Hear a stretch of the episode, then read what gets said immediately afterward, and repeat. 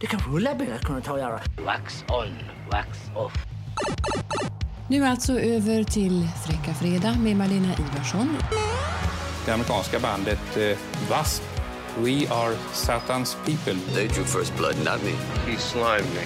That's great! Actual physical contact! Bengt-Åke Gustafsson. Åh, vad stark han är där igen. Albelin, och det är bra spelat och det är 2-2! Thomas Sandström som gör målet! There can be only one. Hej, har du tid en minut? Jag känner Jimmy. Har du tid en minut? Tjena Fredrik. Jajamensan. Mm. Eh, till och med upp, upp till en hel timme, som det brukar bli. Ja, precis. Ja, Ja. Det har ju varit lite, det har ju varit lite lurigt att få till den här inspelningen kan man ju säga. Med, vi, vi- vi är två busy guys, eh, helt enkelt. Så att, eh, du sitter i bilen nu och Ja. är på väg till Göteborg. Så är det ju. Så är det. Jag ska ner och, och, och köra lite stand-up här nu idag. Så att, eh, och, och för att få ihop det här så fick vi, fick vi lösa det på detta sättet. Ja, precis. Vi, vi utlovar ju krispigt ljud och båda två i samma poddstudio. Eh, men vi får ta det till nästa avsnitt helt enkelt. Ni får stå ut med kanske ännu sämre ljud idag eh, när Jimmy sitter i bilen. Är, han åker genom de västgötska skogarna och eh, man vet inte, inte riktigt hur täckningen kan vara där alltid. Nej, så är det ju. Det, det, det, det kan nog bli en liten utmaning för oss här, men det, jag tror vi löser det skitsnyggt. Ja, precis. Det, det gör vi. Det gör vi absolut. Eh, vi har ju kommit fram Ja. till... Ja, vi, vi är snart slut på det här årtiondet som vi har eh, pratat om nu. Nu är det 1988 eh, som Ja. gäller i dagens avsnitt och sen är det ju bara ett år kvar. Sen är 80-talet... Sen är 80-talet slut. Ja, precis. Men nu, vi går ju, nu går vi i sjätte klass du och jag Fredrik. Ja? Eh, ja, 1988. Kan vi göra det? Det är 12 år. jo men det gör vi. Vi börjar ju på hösten och hösten 88 börjar vi ju i sjätte klass där och så går vi ut 89 sen. Det är liksom sådär sista, sista skälvande året i... i eh, ja, jag menar liksom innan man gjorde det här steget till att gå upp och bli högstadieelev som ändå var, var lite längre in i puberteten än vad... det- Där vi helt plötsligt behövde göra aktiva val om, om vårt liv lite mer. Ja, precis. Eh, Hittills hade man ju levt i, i livet av att mamma dukar fram frukost och mjukisbrallor rakt av. Så det var ju liksom... Det var ju rätt enkelt. Ja, jo, så, så var det ju. Behövde inte, Ja.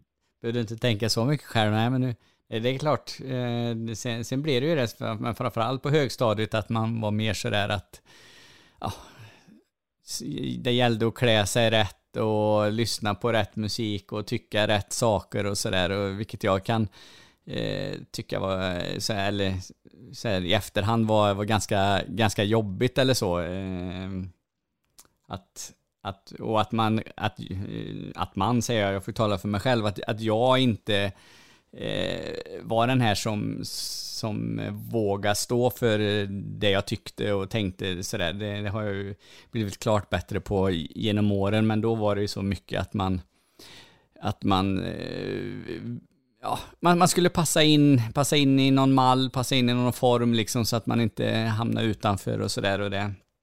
Ja, jag, jag kan säga att nu är vi inte på högstadiet än och det, vi hamnar ju där ja, slutet på 80-talet, eller 89 då, och så in, en bit in på 90-talet, men det, det var ju inte favorittiden direkt i, i, i, skolan. Jag trivdes ju väldigt bra på, på låg och mellanstadiet, sen högstadietiden där, eh, den var inte sådär, sådär jättebra eh, för, för min del, så att, eh, men, men det var ju mycket det där liksom att, ja, ja, man, man skulle liksom, man skulle passa in och, och, och det, det var liksom efter en viss, viss mall och sådär och man fick inte gå utanför den och då.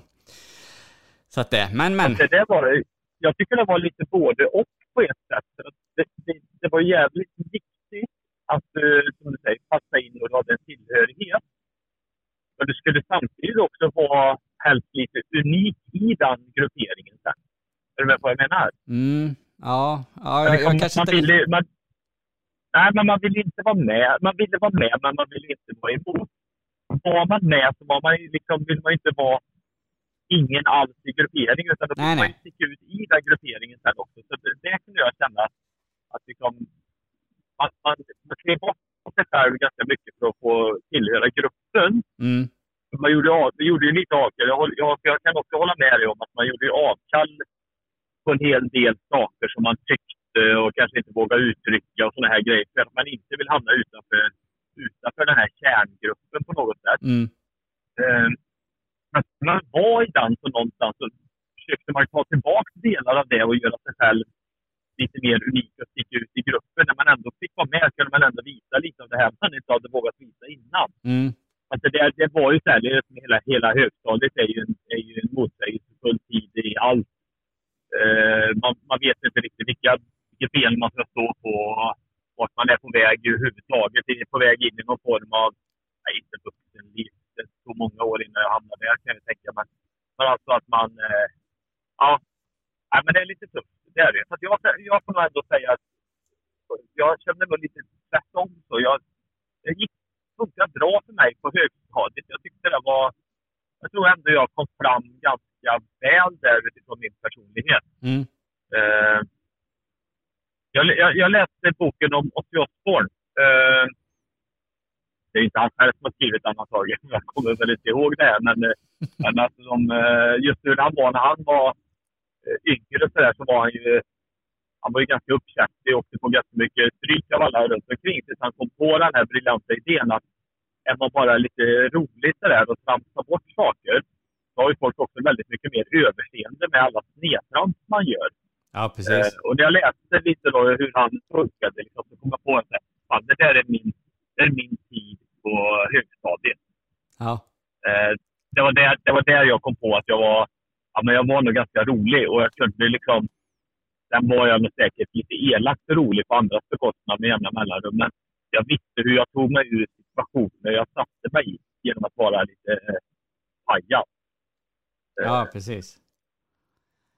Jag, ja. Ja, jo men det är ju liksom, det är ju en, det är ju en strategi, den, den känner man ju igen liksom den här, den strategin att, eh, att, att man tar den rollen liksom för att, för att inte hamna utanför eller liksom sådär, då, då tar man Ja. clownrollen lite sådär och eh, ja, det, det är ju så, det är vi ju alla på, på lite olika sätt eller sådär för att eh, Det, ja. var, det var väl fortfarande så att man gav sig in i någonting där, där, där man ändå handlade om att, att överleva på ett eller annat sätt. Och var det väl skönt att man kunde välja just den rollen. Det fanns sämre roller att ta till sig som jag såg andra, andra gjorde runt omkring sig. Då. Ja, ja precis. Ja, men det, det, det, det lät ju fruktansvärt vad dystert det startade. det kändes lite som, eh, som att... Eh, ja. Nej då. Så illa var det väl inte. Nej. Vi, ju om, vi har ju pratat ti- tidigare om det här med tillhörigheter utifrån eh, hur man skulle, inte bara hur man skulle se ut och vara, utan det var ju väldigt mycket också eh, just det här tillhörigheten musikaliskt och men det var väl också det här väldigt tydligt att både musiken och modet var någonting som separerade grupperingar åt också. Mm. Eh, det, det, det kan jag ju komma ihåg, liksom, även om eh, det var sent 80-tal så hängde det fortfarande med in på 90-talet också. Ja, precis. Ja, jag, 88, då är, då är vi fortfarande kungar i skolan, för då är vi liksom störst på mellanstadiet här. Det var också en grej som var, man liksom var medveten om att man var också. ja, ja. Eh, då var man nog lite stöddig och sådär. Jag kommer ihåg att jag hade en, hade en kompis som hade med sin bergsprängare till, eh, till skolan. Och så gick han runt med den och så eh, spelade upp liksom, eh, hundratals kronor av batterier med den här. Och så gick vi, gick vi andra bakom och lyssnade. Så här, tyckte det var jävligt coolt. Och nu, nu tror jag att han låg lite efter där, men jag vet att han hade på Boys, Boys, Boys med Sabrina hette hon va? ja, precis. En väldigt tveksam figur som fick göra en hitlåt tror jag i alla fall. Och hon var, hon var väl någon sån där italiensk grupptjej eller något liknande. Jag vet inte.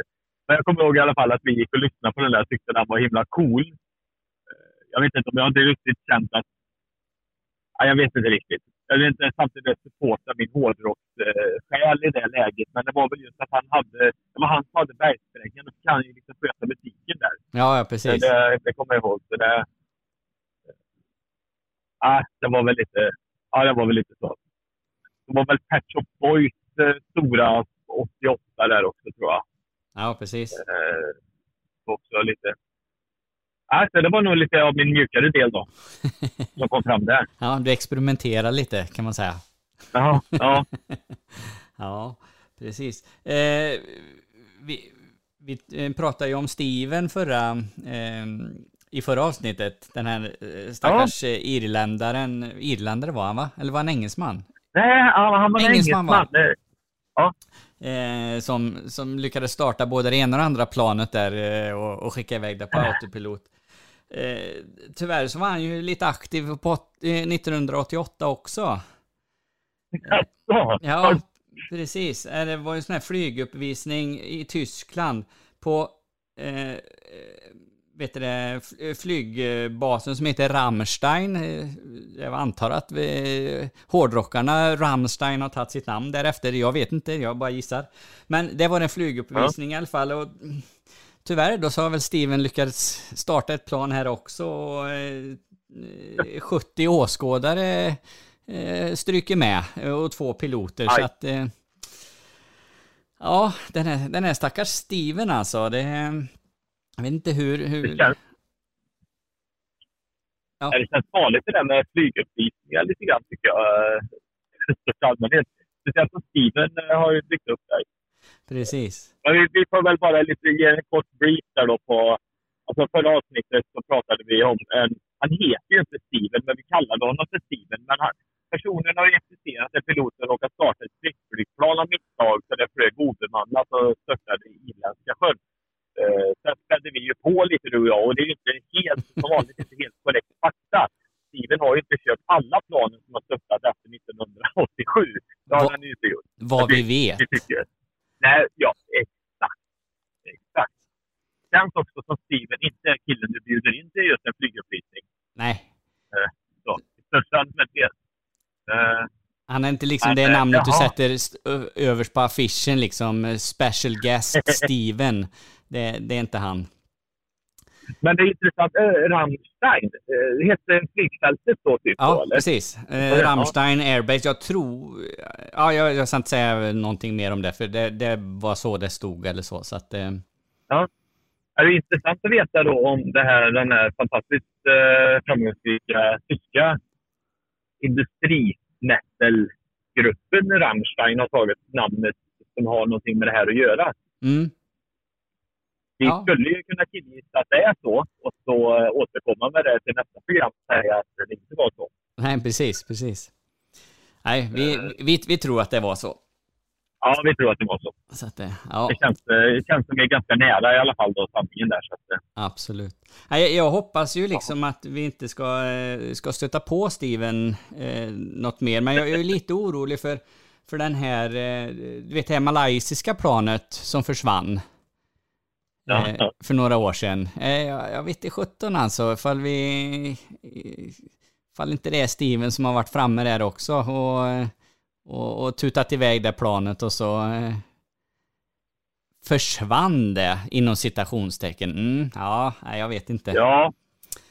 Nej, jag men han, eh, han verkar ha haft, eh, haft svårt att hålla fingrarna i styr när det kom till flygplan i alla fall. Det är väl bara konstatera. Ja, det, det, är, bara, det är bara att konstatera. En, en annan sak som eh, några andra som hade lite svårt att hålla eh, fingrarna i styr eller åtminstone hade svårt att styra saker. Nu behöver man inte styra jättemycket när man sitter i en, i en bob, men det var ju det jamaikanska boblaget som var med i Calgary OS.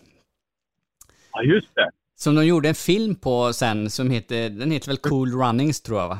Eh, ja, precis. Så. Jag tänkte säga, jag skulle jag ju briljera med, med mina kunskaper. Men visst, eh, visst var det så att han hette Cool Running? Eh, något sånt där. Ja, precis. Det var, det, det, var väl lite mer, ja precis. Ja, men det var ju någon eh, humoristisk filmatisering av deras satsning. Precis. Hur, hur gick hur gick det för dem då? Nej, De men kom det, det, det, det gick inte bra alltså. Det, det gjorde ju inte det. Det, det är som sådana här många andra som man har sett. Eddie Deagle till exempel som inte var jättebra på backhoppning. Eh, jag kommer inte ihåg vad han hette eller vart han var ifrån, men det var ju en simmare du vet för, för några Ja. år sedan också i ett OS. Och han- det, det, det tog lång tid för, för eh, han, men han, han, det, det, det är ju det som är det fina med OS också, liksom att eh, alla har ju, eller alla länder har ju rätt att ställa upp med en deltagare liksom eh, oavsett eh, hur bra Ja. man är. Man kan ju både se det som eh, en, en fin grej, men man kan väl, ja, det kan väl vara lite si och så med det också, men ja, det, det är ju några sådana här genom åren som kanske inte borde ha varit med. Man har sett någon friidrottare som har sprungit så här 110 meter häck och inte gjort det briljant bra, men, eh, men de, de jamaicanska boblaget och, eh, i, i sam, och även då Eddie Eagle, de har väl vunnit någon slags kultstatus i alla fall, eh, får man väl säga. Det har ju både gjorts dokumentärer och som sagt spelfilmer om dem.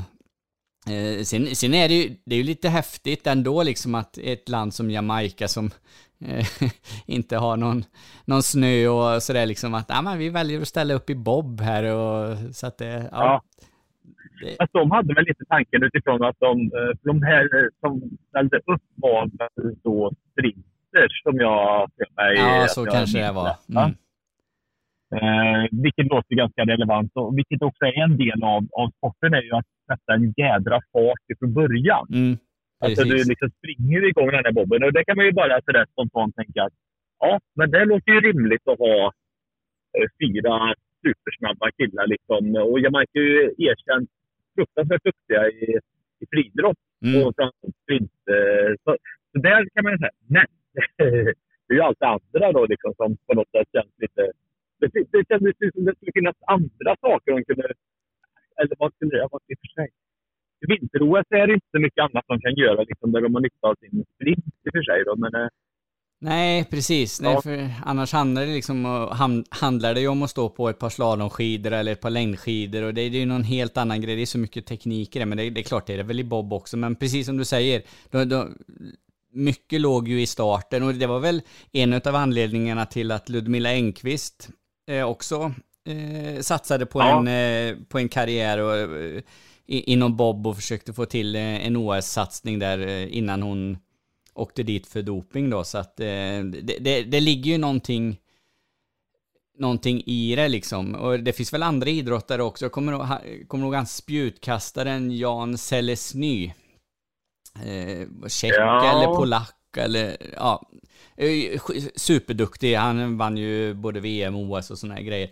Han eh, han satsade ju på att spela baseball. Det, det gick ju inte så bra, men det hade de ju då den, den teorin liksom att han är ju en jävel på att kasta långt liksom och kasta, han, eh, så han, han kan ju liksom bli pitcher i, i baseball då. Liksom. Men visst, han är en jävel på att kasta långt, men det är inom baseball, det är så mycket olika tekniker och det är curveballs och fastballs och sliders och eh, och allt vad det nu heter liksom. Och, så att det, det var inte bara till att applicera eh, den kastarmen som kastar svinlångt på och även kasta med, med precision och lite olika tekniker. Så att jag tror inte att den satsningen gick, gick Nej. Eh, Men då får man ändå säga att den satsningen som har gått bäst av de vi har dragit upp här nu, det borde ju ändå vara, det låter ju konstigt, en Eddie Deagle. eh, han, han besitter ju ändå, liksom, eller han satte ju ändå en hel del nya rekord. Det var ju nämligen så här att eh, rekordet i backhoppning, det engelska rekordet i backhoppning, det var ju noll meter när han började. För England hade ju liksom aldrig haft någon som hade ställt upp och hoppat. Eh, det är ju där, det är därför han började med detta. För han, han vill ju bli olympier. ja, Han har, ju liksom, han har ju den eh, okej, vilken sport är det? Vad är vi sämst på i England? Ungefär någonstans där resonemanget eh, hade han då. Och sen eh, så han ju i någon snubbe där som skulle hjälpa honom att träna. Och det fanns ju inte en backe i hela England att hoppa i. Utan han fick ju åka någon annanstans och träna sådär lite. Eh, Sen gör han ju det här beryktade hoppet i... För de hoppar väl då, vad är det, 60 och 90 meter eller vad det är va? Nej, 70, 70 och 90 och sen finns det ju eh, sån här, vad heter det, flyg, vad heter det? Ja, det är ju ännu Ja. längre, det är 120 meters backa eller något sånt där när de... Eh, Men du, Ja. då fanns det väl bara två backar. För, för grejen var ju att i 70-backen så var det, ju- var ju marginellt liksom att han lyfte när han kom ner. Alltså han, han damp i stort sett ner precis nedanför många... Han var ju ganska dålig och sen stod han inte alltid upp varje gång han kom ner. Vidare. verkligen inte. Men då var det ju verkligen så här att han, han blev så förbannad på den kritiken. Han, menar, han fick ju åka med, det var i Calgary då va, 88. Ja, precis. Ja. Jag undrar om inte han var med där också för andra Jo. gången då, något liknande. Och då var det ju det här att de, de trakasserade honom ganska mycket och menade på att han hade blivit hitplockad för något jädra jippo. Att, eh, att han bara liksom, det, det, var, det var mer liksom för åskådarnas del Mm. att titta på det här spektaklet, Eddie Deagle och så vidare. Och det där eh, gjorde honom ganska förnärmad har jag för mig. Att han blev lite irriterad över det här och eh, bestämde sig då för att eh, även ställa upp och hoppa 90-backen. Eh, hade han aldrig gjort förut. Men Han ville ju visa då liksom att det, det hade inte med att han skulle vara där för att komma dit. Han var ju där för att sätta rekord. Han var ju där för att liksom... Sen hade han ju aldrig något med någon toppstrid och sådana grejer att göra. Men, han, men han gjorde ju han gjorde ju ett hopp i alla fall då i 90-backen där och överlevde där. Det var väl mer det som var, var grejen. Men det, det kan jag rekommendera för oss. Det finns ju en film, eh, filmatisering om hans eh, Mm. karriär där och hans, eh, som var väldigt, väldigt intressant. Ja, precis. Den kan man ju definitivt eh, titta på. Jag tyckte det var lite kul liksom, för det här är verkligen en av världens sämsta men också mest kända eh, idrottare. Det är ju det är lite nice att få vara, att få vara känd men också jävligt dålig på det du gör. Ja, precis. Precis. Ja, det är ju... Det, det är ju ett claim to fame att vara, vara, vara sämst på någonting. Ja. Så att det, ja. Så, men det, var, det blev väl så till slut att de, eh, han fick inte hoppa för att det var för en stor eh, säkerhetsrisk. Han var liksom för dålig så att han fick inte ens starta eh, så. Och det, det, det, kanske, det kanske var bra för, för hans del.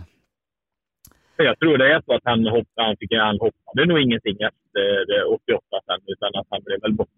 Det är precis som du säger. Det var ju livsfarligt. Liksom. Det, så jag har full respekt. Har, har man någon gång stått nere för en sån där hoppbacke, då förstår man ju också att det är ju fan med döden. Eller med livet som insats liksom, som du ger dig ner i en sån där.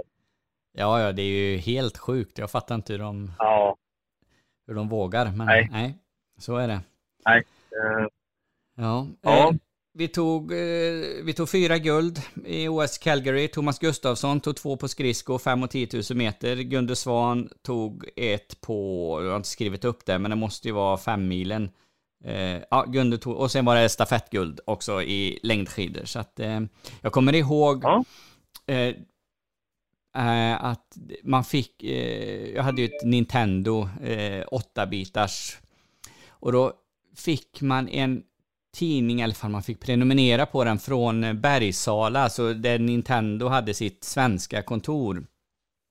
Eh, så, så kom det liksom en, en Nintendo-tidning med liksom, det var ju lite nyheter och lite eh, reportage och sådär och det, det var liksom mest för att göra reklam för att det ska komma nya spel och sådana där grejer.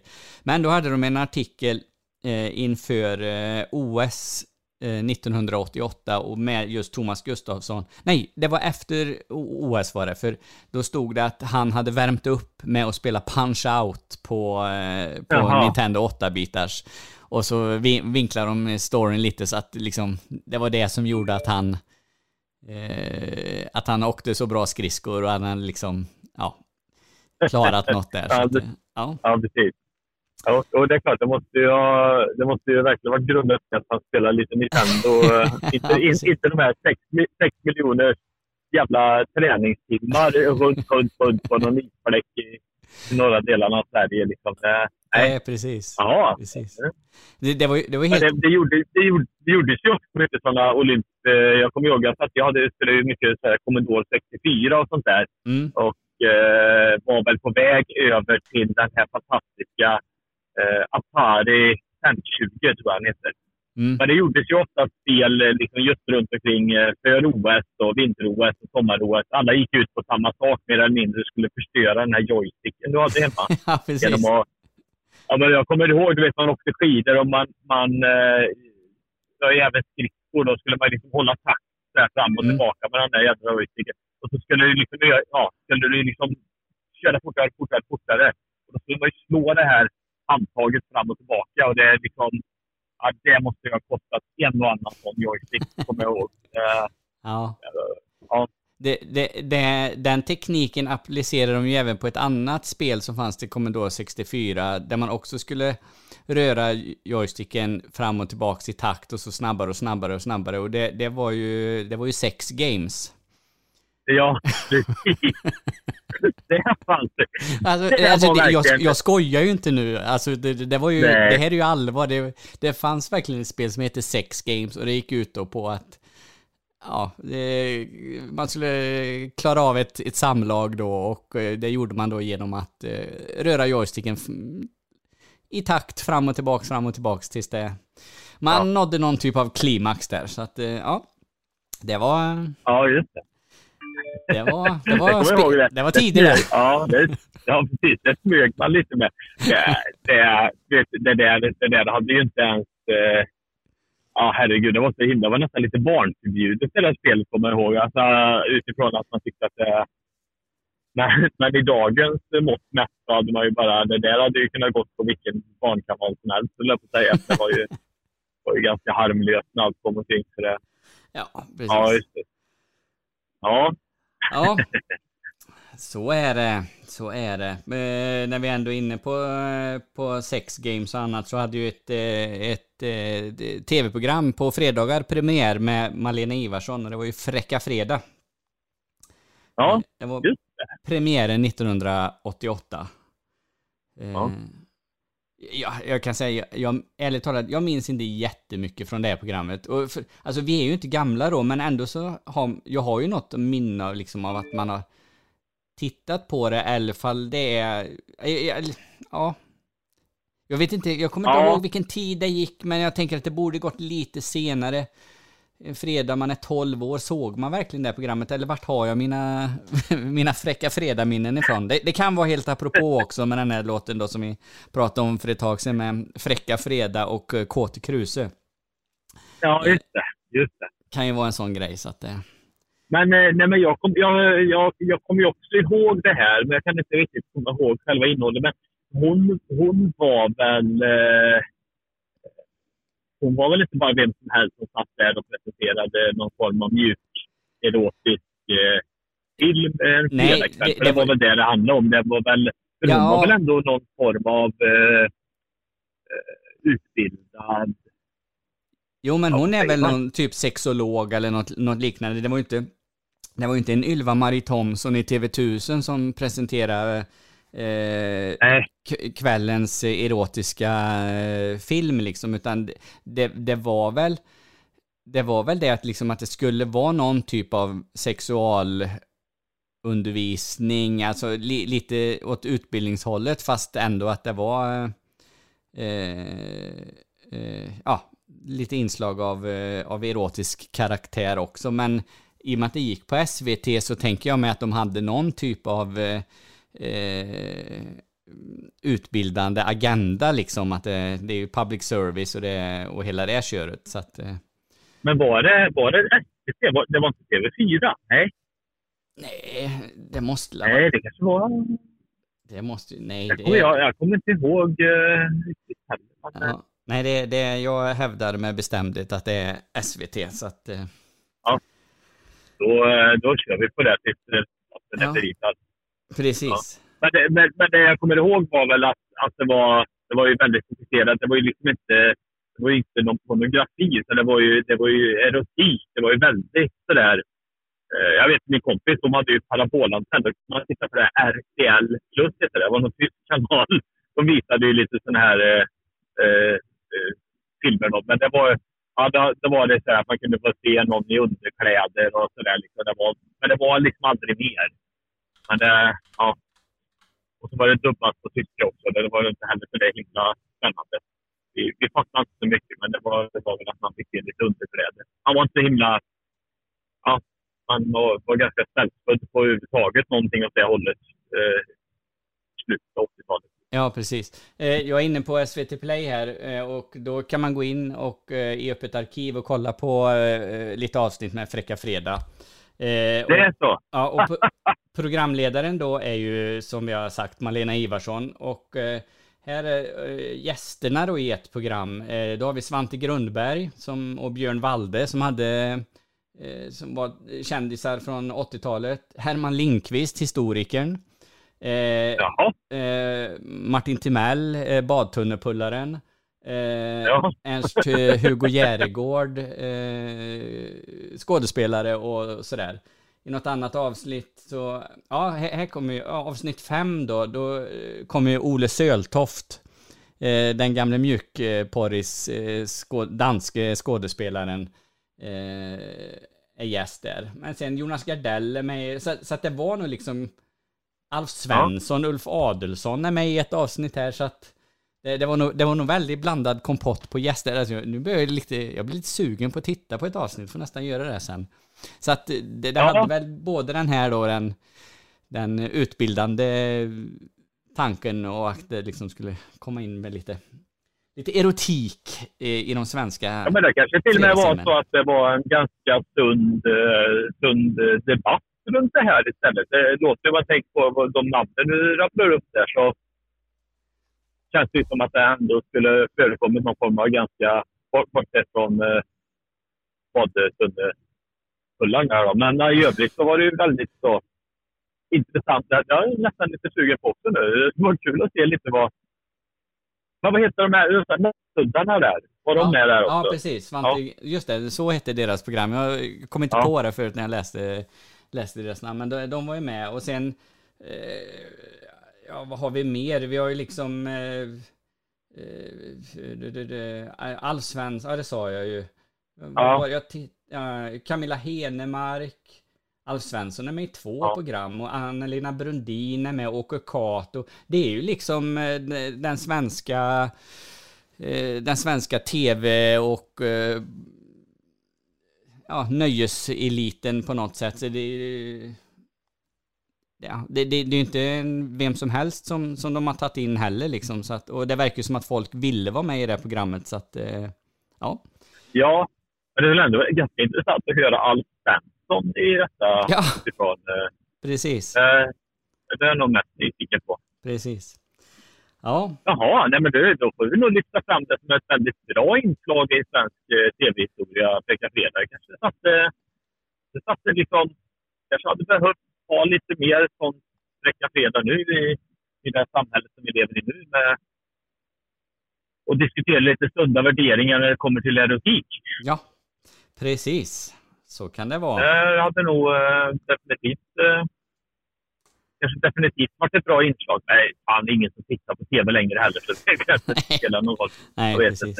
Eh, på tal om sunda värderingar till erotik, jag, jag kollade lite filmer sådär som hade eh, släpptes under 80-talet och, eh, eller nej, släpptes 1988.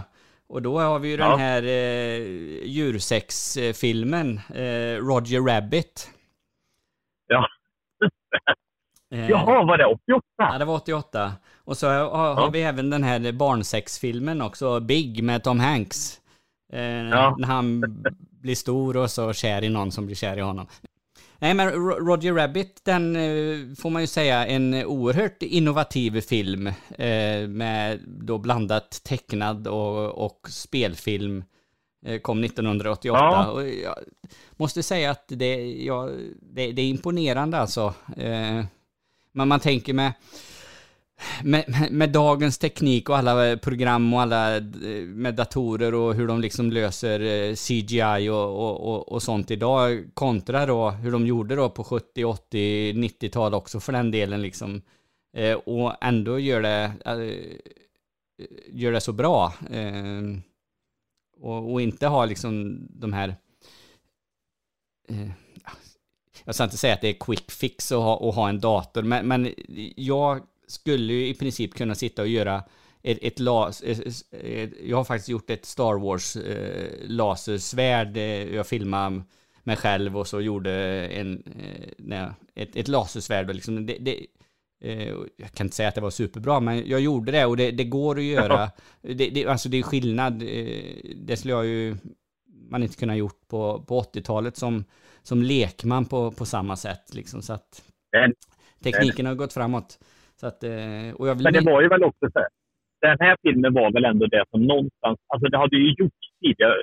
Man kommer ihåg Dunderklumpen liksom. Mm. Den Bette Wolgers och grejer där var ju riktig skit. Eh, liksom sådär. Det var ju, det var ju liksom inte riktigt så himla bra gjort kanske så. Men här var det ändå lite, alltså det var ju, den var ju snygg. Den var ju jävligt snygg. Ja, precis. Filmen. Hon var snygg också. Hon, den tecknade... Jessica Rabbit, ja. Jajamän. Ja, hon, var ju Det het. var väl många, många som gick igång på... Det, det, det- det måste ändå ha gjort lite ont i vissa människor att tänka så här att en av deras största sexuella fantasier 1988 var kaninens fru liksom. Ja. Det är ju ja, det är lite sorgligt för en del tror jag. Ja, Ja. Faktiskt lite grann. Eh, sen lite andra filmer som kom, eh, det, var ju den här julfilmen då, Die Hard. Eh, Ja, och, så, eh, och Rain Man med eh, Tom Cruise och eh, Dustin Hoffman. Eh, fantastisk, fantastiskt bra film. Alla fyra där Ja. är som jag räknar upp är ju, är bra filmer tycker jag. Det, det var, de, de låg på topp 10 filmer som hade dratt in mest pengar 1988. Ja, det kan man ju förstå. Strul var inte med där. Det är de Eh, topp 10 då, eller? Nej, inte, inte på topp 10 på just den listan var inte Strul med. Men den kan ju vara med på någon annan topp 10-lista för den är ju inte, den är ju inte helt kass. Om jag... Nej, nej. nej. Om det, jag var, minns det alltså, det är ju tillbaka till tidigare lite där hur svensk film och serie på något sätt påverkade samhället i att få säga saker. Eh, vi hade ju det här rumpnissarna och folk som skulle låta som, eh, som eh, Roy i macken och alla de här, du vet. Man Mm. var så jävla trött på det. Och precis när det här hade dött ut kom strul. och det här lille Gullefjun-sången som är med i den där. Just det. Det var ju, då var det ju tillbaka igen det här. Då skulle alla gå runt och sjunga den här Gullefjun. Är, är, är, Eh, är det i den han heter Rutger Jönåker eller? ja, precis. Ja, för fan Precis. runken. Det är väl en, också en sån där replik Ja. därifrån. Den, den, var väl också så ganska återkommande sen i, i samhället också. Ja. Runken. För fan. Ja, det var, ja, men den var ju ganska så. Det var väl ändå lite eh, lyckad svensk filmproduktion. Ja, det får man säga och jag skulle vilja säga att det är en Björn Skifs eh, som, ju- som jag tycker är en... eh, Jag tycker han är bra i både den och i, i Drömkåken och jag gillar ju Björn Skifs när han var på tv i olika sådana här nöjesprogram. Ja. Krysch till exempel och han var väl med i, i, i, flera andra som, som, eh, som gästartist eller sådär. Jag, nej, jag, gillar, jag gillar honom, Björn Skifs. Det, Ja. det är för lite Björn Skifs i, i tv nu för tiden. Det, är, det finns en, en, en sketch om där det är från Nöjesmassakern eller Nöjesmaskinen. Jag kommer aldrig ihåg skillnaden på de två, men där han och Åke Cato träffas ute eh, i- en by någonstans där han står med sin spark där och, och är ju då någon Ja, av de här inne, inneboende där och så kommer Åke Cato utklädd till Jesus. ja,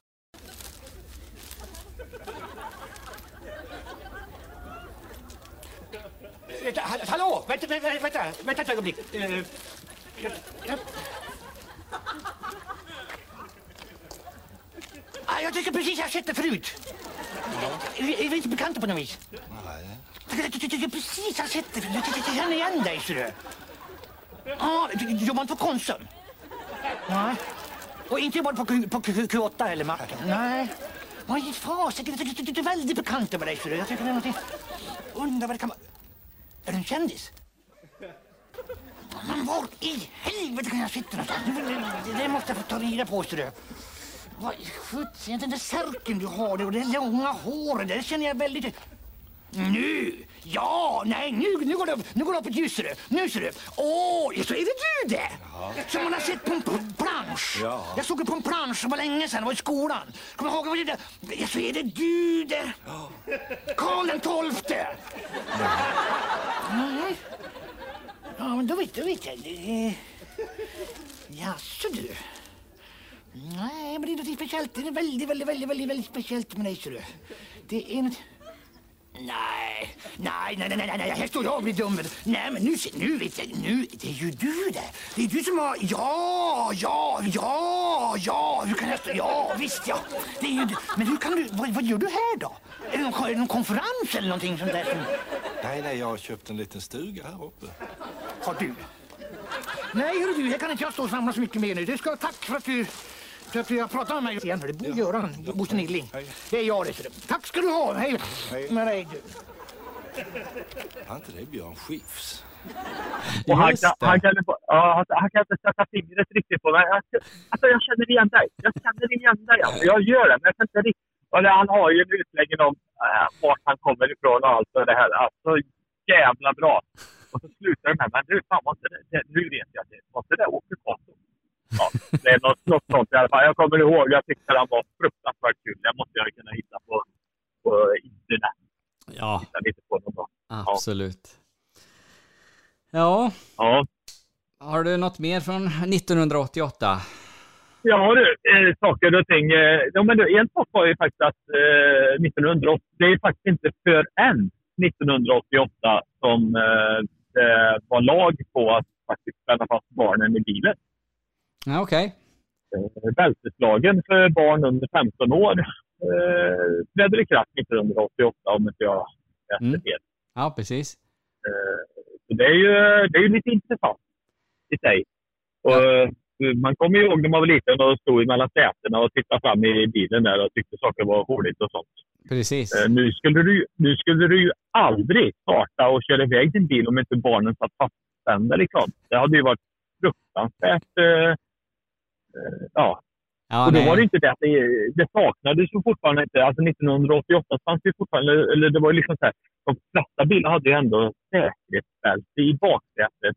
Inte alla bilar, de äldre bilarna, som gamla Amazon och såna grejer, det kunde man ju det kanske inte fanns. Liksom. Men alltså någorlunda nya bilar Mm. så fanns det. Men det var ju fortfarande inte lag på att du skulle vara fastställd. Jag kan komma ihåg hur mina föräldrar talade om det för mig. Att nu, liksom, nu måste du spänna fast dig, annars får mamma och pappa böter. Ja, precis. Eh, så. Inte det här att spänn fast dig nu, för om vi krockar så klarar du dig. så, nej, de menade ju säkert så. Men jag kommer ihåg just, jag tror att väldigt mycket av de argumenten var just att eh, de vuxna inte skulle behöva betala massa pengar när polisen kom. Eh, kanske inte lika ofta att man pratade om hur, hur farligt det kunde vara att krocka med bilen. Ja, nej, precis. Det var... Nej. Jag minns ju, det, det här borde jag ju ta i nästa avsnitt för det är ju en eh, 89-historia egentligen, men det, det har ju med bilbälte och annat att göra. Men eh, 1989 eh, så skulle vi åka på vår första utlandssemester eh, tillsammans med, med en annan familj. Vi skulle bila ner till Jugoslavien. Eh, och det var jädra förberedelser du vet och, eh, och ta bilen ända dit ner. Det och skulle ju fixas och trixas. Och, eh, den andra familjen då, de var, de var lite fler eh, i, i familjen så att säga. De var väl sex stycken. Och eh, i en Volvo 240 kombi så gick det väl in fem då lagligt. Men då, då byggde fadern i, i familjen ett eh, extra säte som han satte i bagaget eh, bakvänt eh, så och så gjorde någon egen historia med nå- något bälte där och så eh, eh, och så fick eh, pe- person nummer sex då, och det, det var nog minsta dottern, fick, fick sitta där bak bland allt bagaget. Hela vägen ner till eh, Jugoslavien. Det, Ja. det var uppfinningsrikt tycker jag. Att, Ja, men det var väl liksom också så här att nej, men det var, det var inte riktigt lika noga. nej, precis. Nej. Nej, men det var ju jag. Jag kommer ihåg, eh, jag och min syster, vi låg i bak på eh, eh typ min mormor och morfars. Eh, han hade en liten jänkare modell större. Vi skulle åka till Norge med husvagn eller vad fan det var. Och så åkte vi. Det var ju helt de bäddade dem i bak. Då låg ju vi liksom bara eh, i varsin sovsäck och sov. Då i bagageutrymmet där, eller ja, i, i kombin där. Det var ju också där. Liksom. Det var väl inget, det var väl inget konstigt. Det var ju världens bästa idé. Ja, ja. ja. Supersmart. Eh, Fattar inte att Ja, man ja, inte... visst, visst. Varför gör vi inte så fortfarande? Det var ju genialiskt. Ja, precis. Och det gick ju bra. Vi sitter både du och jag. Ja, ja, precis. Ja. Inga problem. Ja, Nej. nej, det, det är väl tur att, eh, tur att vi eh, tänker lite annorlunda eh, idag. På vissa Ja. saker i alla fall. Så att det, Vad gick på tv då, Fredrik? Vad Ja. tittade vi på? Det brukar vi ju gå igenom. Du brukar ju ha ett litet sådär axplock av fantastiskt bra tv-program. ja, precis. Har du jag, några- jag vet ju ett TV, ja, jag vet ju ett i alla fall som, som fortfarande kanske är ett av mina absoluta favoritprogram. Mm. Agne och Svullo. Oh, kom det 88? Ja. Mm, jag trodde faktiskt att det var lite senare, men eh, ja. Nej, men de, de gjorde nog, det var nog lite så här att det, det kom nog i väldigt skymundan i början. Va? Ja, jag, jag minns faktiskt inte vart de dök upp första gången alls, eller fall det var ett eget tv-program, eller fall de var i inslag i något annat. eh. Ja, det, det, min research så står det 88 i alla fall, Agne och Svullo. Ja, Det var även eh, dårfinkar och dönickar och stärkter. Just Och det. två sådana här lite mer ungdomsserier eh, båda två. Ja, precis, precis. Det var väl lite av de här första. Det hade liksom inte riktigt kanske... Innan det kan jag inte komma ihåg att det var... Samtidigt så har, Nu hade vi börjat... Det var ju lite som vi pratade om det här med Bert och Sune, eller vad var det? Böckerna där. Att vi, Mm. vi var i ålder för att identifiera oss lite mer med detta också. Då kanske man också uppmärksammade det på, på ett annat sätt. Men de här två serierna kommer jag ihåg som ungdomsserier som man liksom på något sätt ändå kunde ta på för att man befann sig ju nästan där. Eh, lite där. Ja. Det spelades ju av, eh, vad heter han nu då? Ja, skitsamma. Det får jag nog komplettera med en annan gång. För jag får nog kolla upp lite som helst. Men, eh, Jag, ja, men det kommer jag ihåg. jag minns inte den, alltså jag minns ju namnet när du säger det, men jag minns inte alls vad det handlar om. Eh, han var... Eh, jag kommer nog... Nej, jag vågar inte ge mig in på den eh, beskrivningen fullt ut. Nej. Det blir nog... Det kan ju, jag har haft så mycket fel. Men det var inte som Fräcka Fredag. Det var det inte. Nej, nej, Och det var heller inte riktigt så. Närmast Fräcka Fredag kan nog Agnes Full ha hamnat faktiskt. Ja, precis. Eh, så, det, ja, men jag tror var så här att Agnes Full gjorde någonting. Eh, det är lite som Killinggänget. Eh, all, alla, liksom, när, när man pratar om Killinggänget så pratar man hela tiden om att, ja, men hur det drog igång eh, med det här direkt från Berns och det här liksom, Illen Göran och hur det exploderade därifrån. Men de hade ju faktiskt redan gjort, var det, en eller två säsonger av I manegen med Glenn Killing på SVT. Ja, precis. Eh, gick på liksom sådär lite, lite halvtaskig tid, klockan tio en tisdagkväll eller något liknande. Så det kanske liksom inte drog eh, eh, den stora publiken. Och jag tror att Agnes skulle började lite likadant. Eh, dels kan det vara så att också de började som någon form av inslag i, eh, i något program.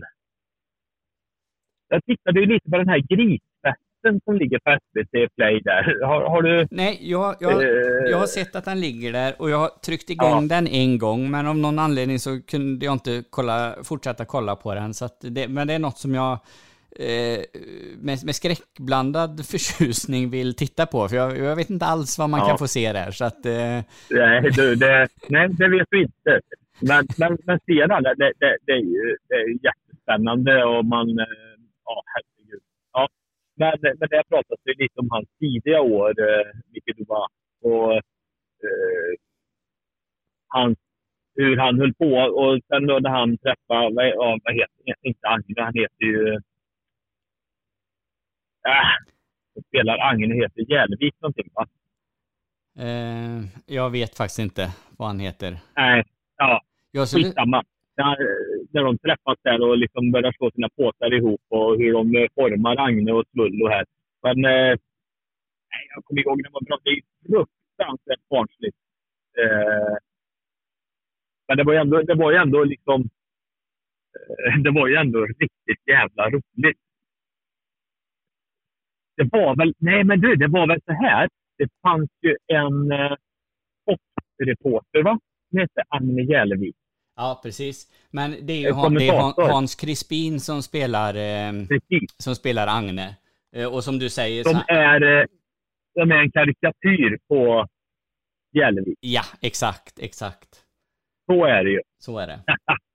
Ja, fy fan vad bra det var. Jag kommer ihåg man hade, jag hade skivan, Svullo-skivan. eh, han släppte ju en skiva där liksom. Det var, det var väl väldigt tveksamt eh, om den var speciellt bra. Men han gjorde ju den här för fet för puck ihop med Electric Boys. Precis. Eh, men det var så här, Ja, men det var ju en ganska skön låt då. Men sen var det ju en jädra massa sketcher på det här med riktiga såna här eh, riktiga jädra svulloskämt där eh, eh, han presenterade sig som Tolvis, Elvis brorsa. Bara, bara den nivån på, på alla skämt.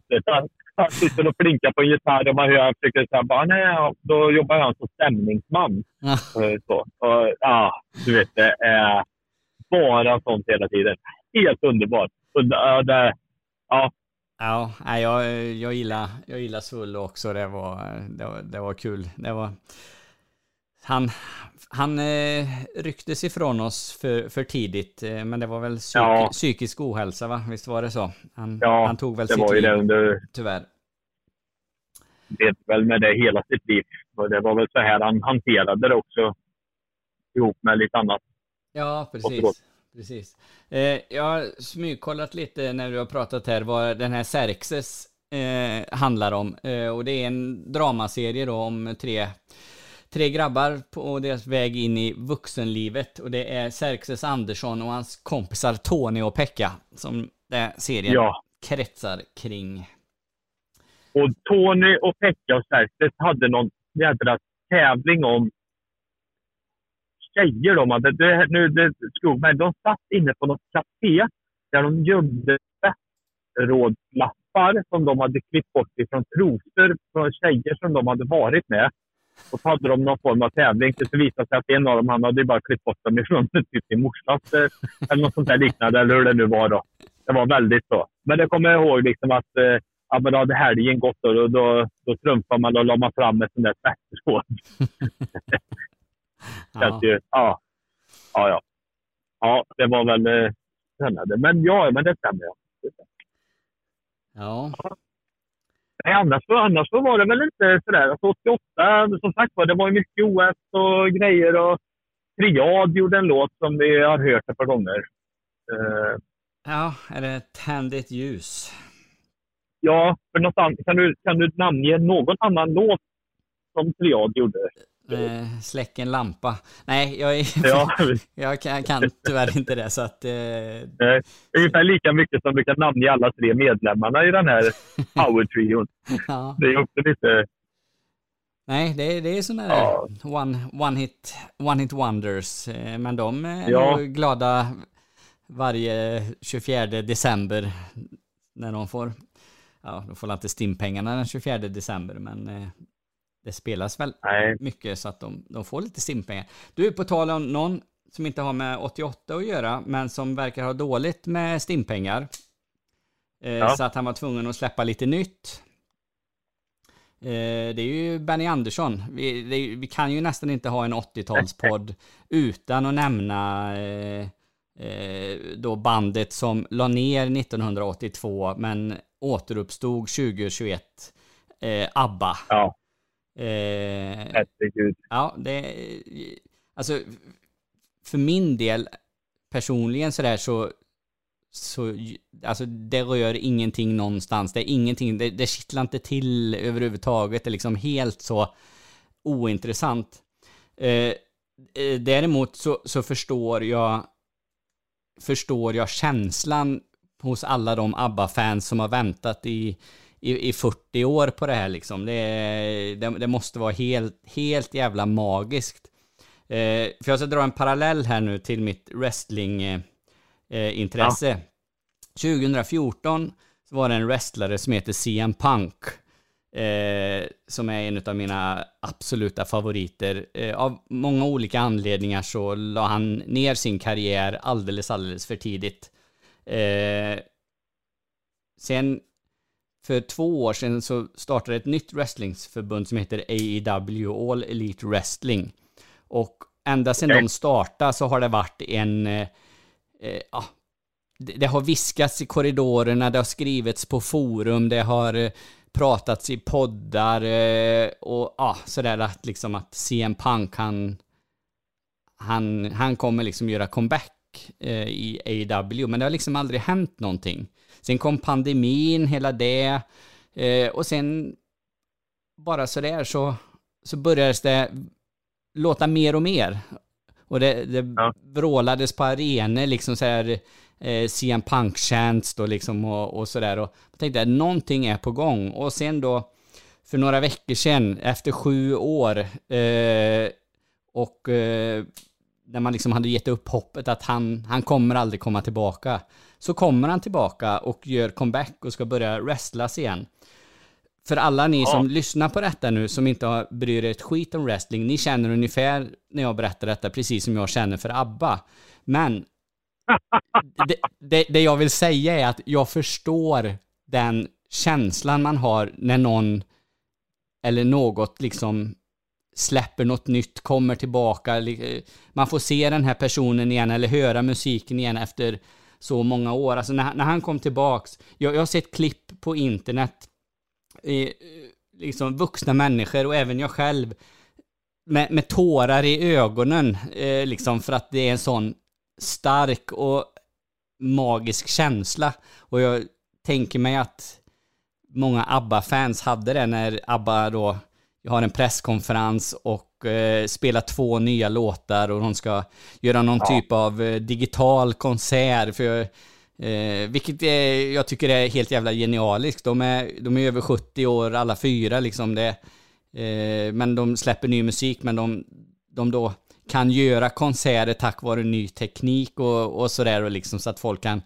inte se dem i verkligheten men de kan se någon typ av eh, hologramliknande grej men framförallt att höra deras eh, deras musik igen. Så att eh, grattis säger jag till alla ABBA-fans. Jag, jag förstår hur ni känner just nu. Ja, och grattis säger jag också till, till eh, ABBA överhuvudtaget. Vilken jädra penning eh, maskin det här kommer bli alltså. Ja, skojar du eller? Alltså det, det, jag, jag, jag är inget, jag är inget ABBA-fan, tro mig. Eh, däremot så, så jag, jag satt och tittade på, på någon dokumentär om ABBA där. Liksom, och, eh, jag menar, vi var ju så unga, 82, fan vi var sex år, vi hade ju ingen aning. Men fan vad stora de var. Alltså, de var ju gigantiska det sista liksom. Eh, jag, jag, jag, tror inte riktigt vi förstår. Sen ska man ju också ha klart för sig att deras musik lever ju fortfarande i... i jag på att dra paralleller med Beatles och, och så vidare. Och det, det, det, ska man nog inte göra kanske. Men, men att digniteten på deras storhet fortfarande är ju enorm. Mm. Alltså, de, de här stora hitsen, de, de plöjs ju liksom. Och de gjorde filmer, och, Mamma Mia-filmer och nej, det, det, det, måste man nog säga. Sen tycker jag det är synd att de gör comeback. Mm. Jag tycker att my, my, myten ABBA, just det här nu la vi ner, nu tyckte det var bra liksom. Och de har liksom stått emot allting. Alltså det, det, du vet, tänka hur mycket miljoner som har dragits under deras näsor för en uh, reunion och, och uh, nya spelningar och grejer. Mm. Jag tycker det är lite, lite grann synd. Jag hoppas att det här bara är på deras eget initiativ, att de verkligen kände att ja, men vi hade någonting mer att ge. Sen har jag hört de där låtarna och ska säga att det kommer inte gå till historien som något fantastiskt direkt. Men ja, ja, ja. Det, det är häftigt. Ja. Tror du Fredrik att vi ska avrunda 88 här lite och fundera lite på om vi ska göra en comeback eh, nästa två veckor eller någonting i ABBA? Ja, men det, det tycker jag att vi ska göra. Och eh, vi, vi utlovar ju återigen då ett jävla krispigt ljud när vi pratar om 1989. Eh, så att eh, vi får försöka, försöka hålla det denna gången. Ja. Men nej, men det är som du säger, vi, vi, har, vi har pratat om 88, vi har fått med en, en bråkdel av vad som hände, men jag tycker att det, att det räcker för denna gången. Det gör det absolut. Det gör det absolut. Sen nu har vi 89 kvar. Sen, sen är det liksom 80-talets slut. Är podden slut då, Fredrik? Eller hur, eh, vad händer sen? Ja, nej men det är den väl inte. Det är den väl absolut inte, utan eh, då har vi ju tänkt att vi ska kanske bli eh, mer, eller kanske, vi ska bli mer ämnesspecifika och eh, kanske framförallt mer eh, faktakorrekta än vad, vad vi eh, har, varit i, har varit i många avsnitt. Så att eh, eh, den, den kommer absolut leva vidare eh, ett, ett bra tag till. Mm. Så, så är det. Ja, då ska vi nö, nö, nörda ner oss ordentligt i vissa, vissa ämnen och funderingar runt, runt livet på 80-talet. Det ska bli riktigt spännande det också. Precis, man får gärna gå in i våran eh, Facebookgrupp, eh, har du tid en minut och eh, är man inte med i den så önskar man att få gå med så kommer vi godkänna det och så kan man skriva ett litet inlägg där att jag tycker att det vore roligt om ni pratar om, om ditten eller datten så ska vi nog försöka göra det framöver. Eh, så, det Absolut. finns, finns oändligt många ämnen jag, jag vill prata om eh, där så att så, så är det. Ja. Ja, och nästa vecka, som sagt, eller nästa vecka, nästa avsnitt, eh, 89, och då vet jag ju redan nu vad vi kommer att prata om. Eh, Okej? Ja. Vill, vill du avslöja? Ja, men det, det, det jag kan lova att vi kommer att prata om murens eh, fall. Ja. Eh, och även Scorpions eh, förfall. Eh, så. Det, hänger ihop alldeles för mycket. Ja. Precis. Ja, okej. Ja, Men, nej, eh, men det, ska bli, det ska bli Vi lämnar, spännande. vi lämnar det där så, så, eh, så, eh, så hörs vi nästa avsnitt. Precis. Ja, men det låter bra tycker jag. Eh, murens fall och Scorpions förfall, det ser vi fram emot. Tack till er som har lyssnat och eh, tack Jimmy för den här eh, vändan. Så får du köra vidare mot Göteborg och eh, sköja där för, för göteborgarna. Yes. Mm, vi säger så. Tack, hej. Wax on, wax off. Nu alltså över till Fräcka Fredag med Malena Ivarsson. Det amerikanska bandet eh, W.A.S.P. We are Satan's people. They drew first blood, not me. He slimed me. That's great actual physical contact! Bengt-Åke Gustafsson. Åh, vad stark han är där igen. Albelin, och det är bra spelat och det är 2-2! Det är Thomas Sandström som gör målet! There can be only one. Hej, har du tid en minut?